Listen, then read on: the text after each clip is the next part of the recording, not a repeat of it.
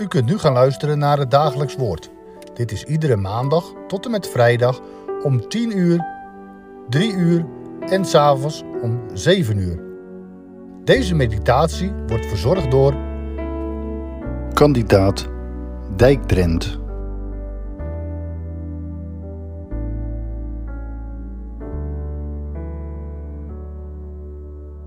Geliefde broeders en zusters, we lezen met elkaar verder uit het Heilige Evangelie naar de beschrijving van Marcus. We zijn aanbeland bij het slot van hoofdstuk 3. Jezus heeft zojuist de schriftgeleerden bestraft nadat zij hem beschuldigd hadden bezeten te zijn. En dan lezen we het Evangelie vanaf vers 31 als volgt. Nu kwamen dan zijn broers en zijn moeder. En terwijl zij buiten stonden, stuurde zij iemand naar hem toe om hem te roepen. En de menigte zat om hem heen. En ze zeiden tegen hem: Zie, uw moeder en uw broers daarbuiten zoeken u. En hij antwoordde hun en zei: Wie is mijn moeder? Of wie zijn mijn broers? En terwijl hij rondom zich heen keek naar hen die om hem heen zaten, zei hij: Zie, mijn moeder en mijn broeders. Want wie de wil van God doet, die is mijn broeder en mijn zuster en mijn moeder. Dit kleine gedeelte, zo redelijk aan het begin nog van het evangelie, is misschien wel een van de scherpste stukken uit heel het evangelie van Marcus. Niet in de eerste plaats voor een mens persoonlijk, op individueel niveau, maar voor ons als mensen, als groepswezens. Wij die in allerlei verbanden verkeren, allerlei relaties hebben. In het bijzonder gaat het hier om het verband waarin velen van ons van geboorte af aan in opgroeien, die van het gezin, van de familie, de bloedband.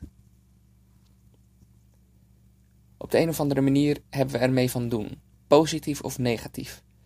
De een is verknocht aan zijn familie, en bij pa en ma thuis is het een warm bad.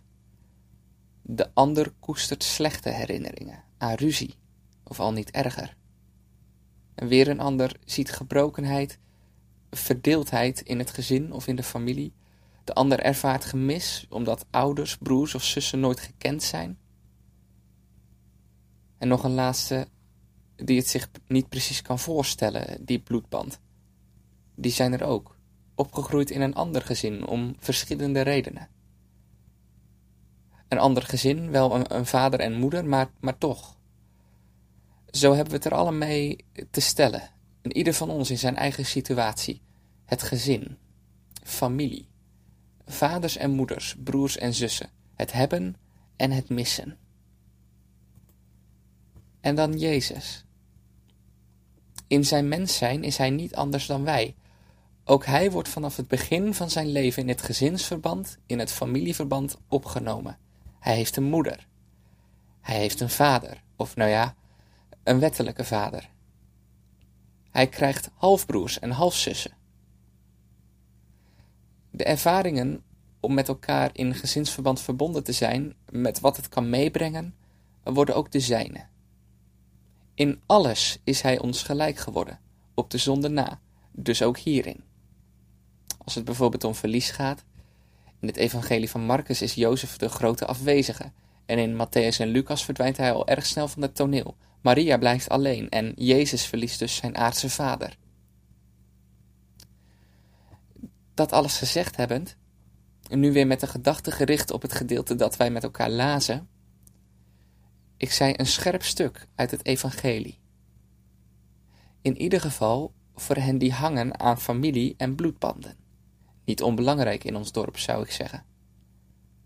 Jezus leert ons hier een voor het oor harde, maar voor het hart belangrijke les. Ik zeg ons, hij leert ons een les, niet voor niets.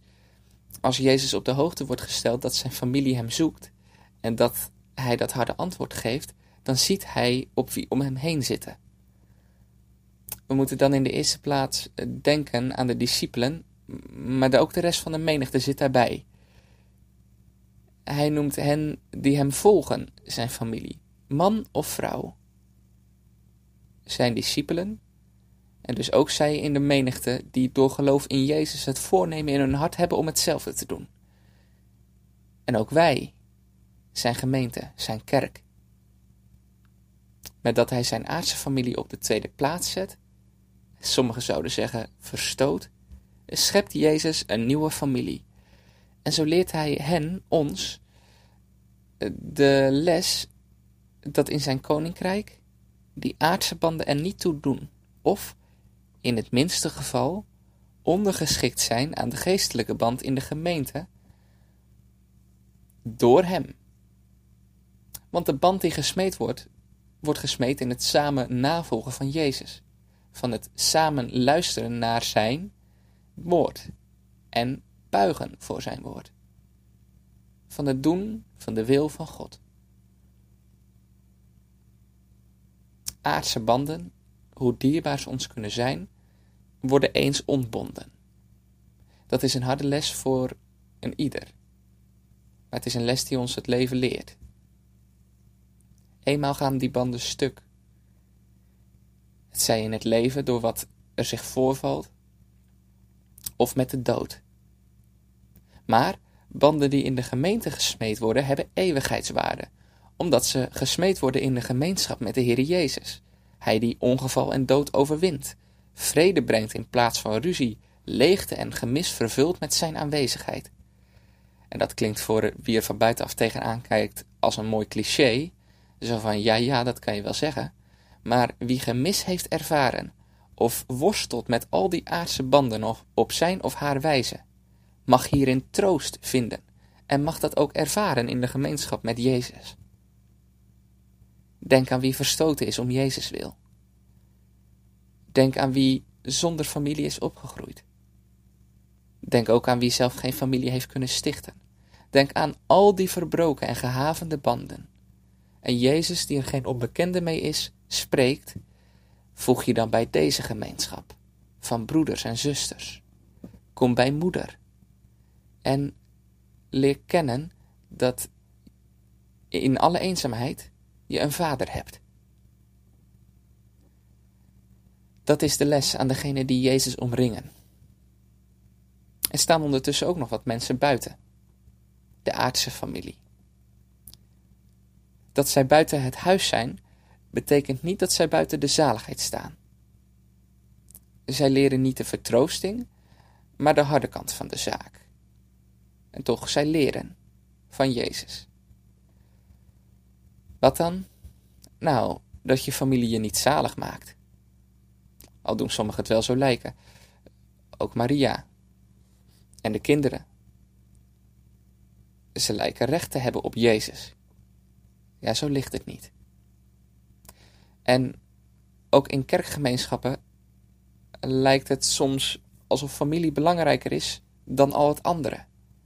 Kerkgemeenschappen lijken soms vooral te bestaan uit samengekomen families. En dat zeg ik niet omdat er geen zegen aan mogen ervaren, maar het woord van onze heiland blijft: Wie vader of moeder lief heeft boven mij, is mij niet waard. En wie zoon of dochter lief heeft boven mij, is mij niet waard. En wie zijn kruis niet op zich neemt en mij navolgt, is mij niet waard. Zij, Maria en Jezus' broers en zussen, maar misschien ook wij, worden geconfronteerd, zoals zoveel van ons dat steeds worden bij het horen van het evangelie, met de tegenstelling tussen aards en hemels. Erin zit een bestraffing van onze gebondenheid aan het aardse, ons denken in het aardse. En tegelijkertijd zit er ook de nodiging in om bij Hem die familie te vinden, die alles te boven gaat, in de band te komen, die alle banden te boven gaat. Bij hen die leven in en door Jezus Christus die van en door zijn liefde leven. Samen in vreugde en droefheid, al ontbreekt het er al te vaak aan, omdat we mensen blijven. Maar toch, toch houdt hij ons dan samen.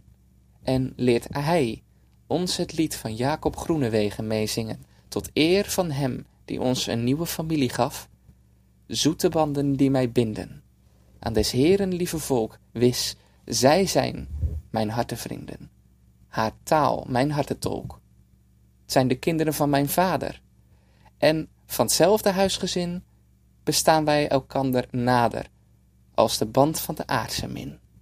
Ach, hoe kan het mijn hart vervoeren, als dat volk aan mij verhaalt waar gevallen zijn de snoeren, en hoe het harte onbepaald aan de Heere is gebonden, hoe ze omhelste het gode lam, tot verzoening van de zonden, hoe dat Jezus het harte nam.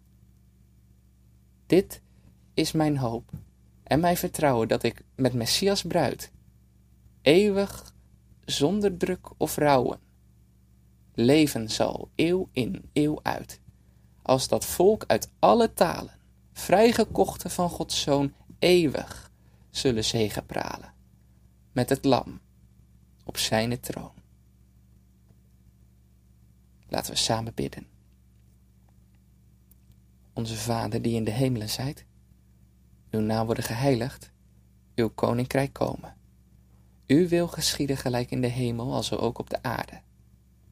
Geef ons heden ons dagelijks brood en vergeef ons onze schulden, gelijk ook wij vergeven onze schuldenaren. En leid ons niet in verzoeking, maar verlos ons van de boze. Want u is het koninkrijk en de kracht en de heerlijkheid in eeuwigheid. Amen.